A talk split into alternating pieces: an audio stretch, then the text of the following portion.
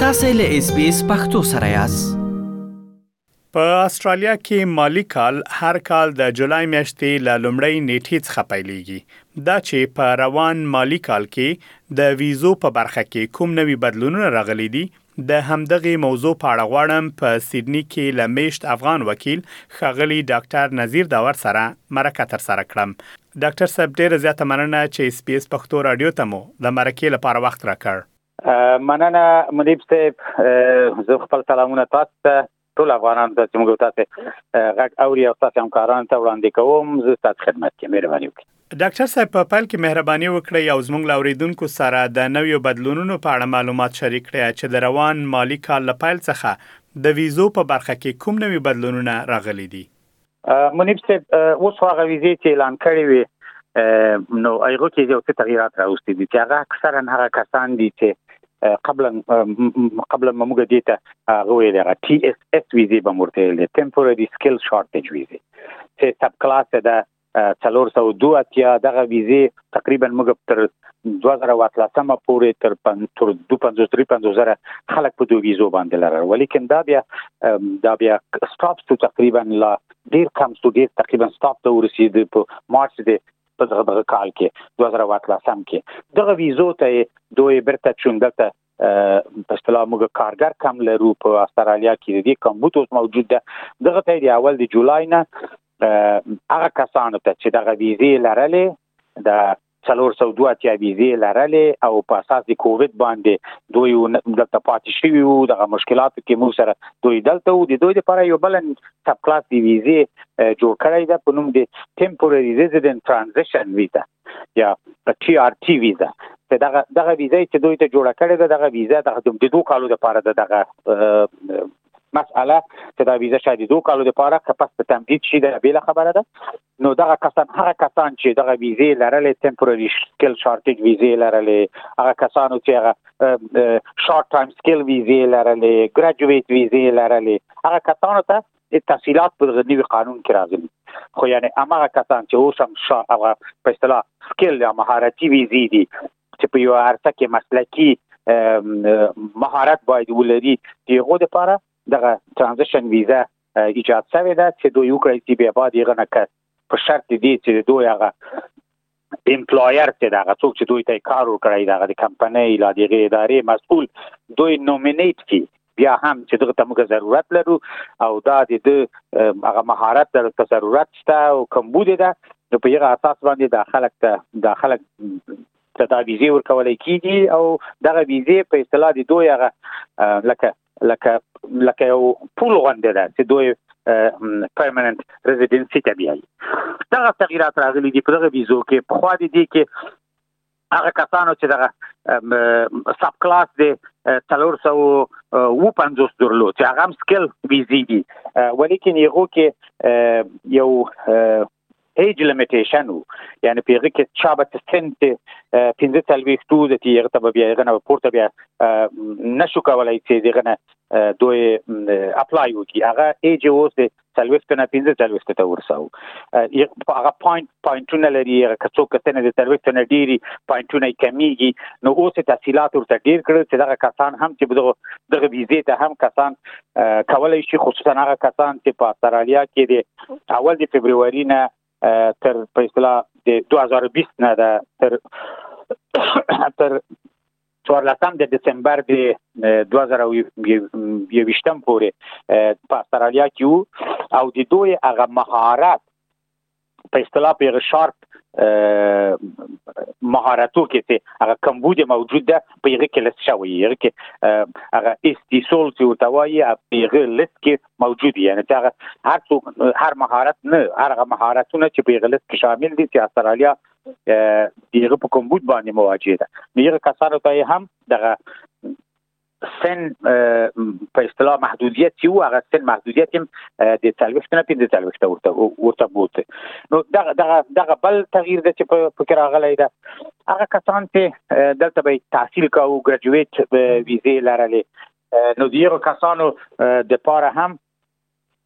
دغه تحصیلات راغله هغه کسان چې دلته وو د اول د جولای نه په اصطلاح دوی ته دا ویزې تمدید کیږي مثلا چې دوی ته زمينه د کار نه و کووید دوی ریستریکشنونه وو لا دوی د باندې پاتې وو لا هم کدل ته پنن کیو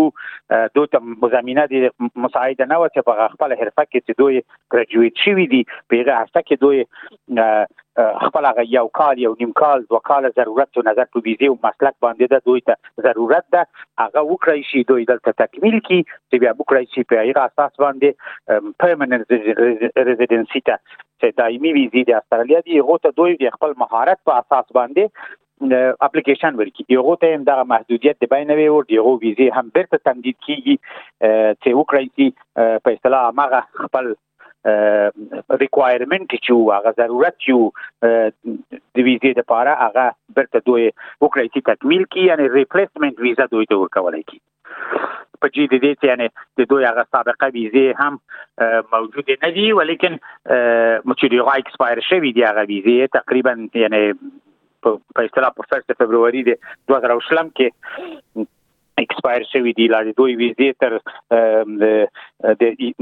د په دغه پری په دغه مدت زمان کې چې دوی ویزې خلاص شوی دی او لا هم تر دسمبر د 2020 پورې دا خلک تقریبا 10000 خلک دي په دغه کټګوري کې دغه د پاره هم تحصیلات لازم برابر کړو چې هغه د دوی ویزې برته دوباره ورکول کیږي چې دوی دغه شرایط مساعد شي چې برته دلته کار وکړي او دا هم یو زمينه د دې ده چې شارتج دی دغه کمبود دی کار چې دلته دا کمبود کارګر چې دا دا وکړی چې برته موږ په چون دغه دی نتیجه دی د کووید و چې موږ جامعه کې دا کمبود پیدا کړی دا نو دا په یو زمينه کې به دا هم تفصيلات منځ دراوړي ډاکټر صاحب پوښتنه دا ده ډاکټر صاحب دغه تغییرات چې راغلي دي مشخصا که افغانانو ته راشو افغانان ډیری په کوم ویزو استرالیا ته راځي او آیا په هغه ویزو چې افغانان راځي په هغه کې هم ډیر تغییرات راغلي او کنه منیب صاحب افغانان هم لرو چې په دغه سکل مایګریشن باندې راغلي دي داسې نه ده چې نه یې لرو او هغسې افغانان هم لرو چې په سټوډنټ ویزو باندې دلته استرالیا ته راغلي وو او دغه ګریجویټ ویزې د هغو لپاره هم یعنی کېدای شي کومک وکړي ولیکن مشخصا چې زه درته وایم څو نفر دي متاسفانه چې دغه آګاهي نه لرم ولیکن خو موږ افغانان اکثریت هم چې استرالیا ته راځي په هومانیټیرین ویزو باندې راځي اکثریت په فامیلی ویزو باندې راځي هومانیټیرین ویزه چې د ریفیوجی ویزه دي په اصطلاح هغه کډوالي ویزه چې دي چې موږ تاسو پناهنده ورته وایو دی هغه کټګوري ده او په خوا دي کې فاميلي ویزه دي فاميلي ویزه دي مثلا یو څوک خپل پلار راولي خپل مور راولي خپل خزر راولي خپل میړه راولي خپل اولاد راولي چې خپل په مجموع کې یعنی سکل مایګریشن استرالیا ته تقریبا یو لک او لس زره تقریبا پلیس په دغه نوي کال کې ورته هغه کړی دي الوکیټ کړی دي ورته یعنی یو زر تقریبا یو لک او لس زره ویزې به دغه مهارتو ته ورکړي هغه کسان چې مثلا راسي بیرته دغه کمبودونه تستی تقریبا په 50 زره خواوشا کې فامیلی ویزې دي چې دغه 50 زره خواوشا کې فامیلی ویزې کې افغانان باندې تاثیر لري دغه ډیر شوی نه دی په دې اړه کې ډیر تغیرات خاص نه دی راغلي ولیکن په مهاجرتي ویزو کې چې پناهندګي ورته ده په یغه کې تبعید ته قبل د اعلانونه شوې دي چې هغه کسان چې هغه سهمیه چې ده هغه سهمیه هغه سهمیه د سهمیه تغییر شوی نه ده ولیکن تصریحات پکې ویلي دي چې پکې راځي لا تاسو پرې میکانیزم نه ده اعلان شوی هغه وادي چې د هیومانیټیرین ویزه کړې وي ځینو خلکو ته ور کړې دي دا پروسس پرې روان ده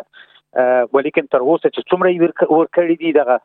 ستاتستیکې تر اوسه پورې اویلیبل نه ده. ډاکټر صاحب هغه سهمیه چی افغانانو ته په نظر کی نیول شوی چی شپږ ویشت زره او پنځه سوه بشردوستانه ویزې دي ایا د دغو ویزو توزیع یوازې هغو کسانو ته چی اسټرالیا ته په معقتو ویزو راغلي وه ایا یوازې هغو ته توزیع شروع شوې که له اسټرالیا څخه بهر په پاکستان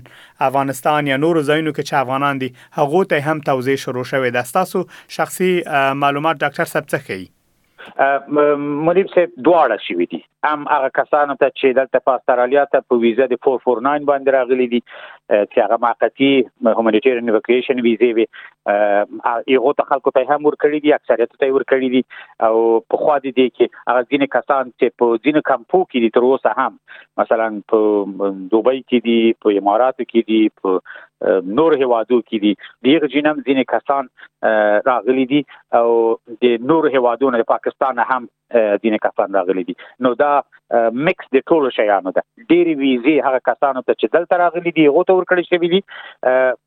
ولیکن ویزه نور کسانو ته هم ورکړل شوی دي په دې کې د دې نه ځاګه هیله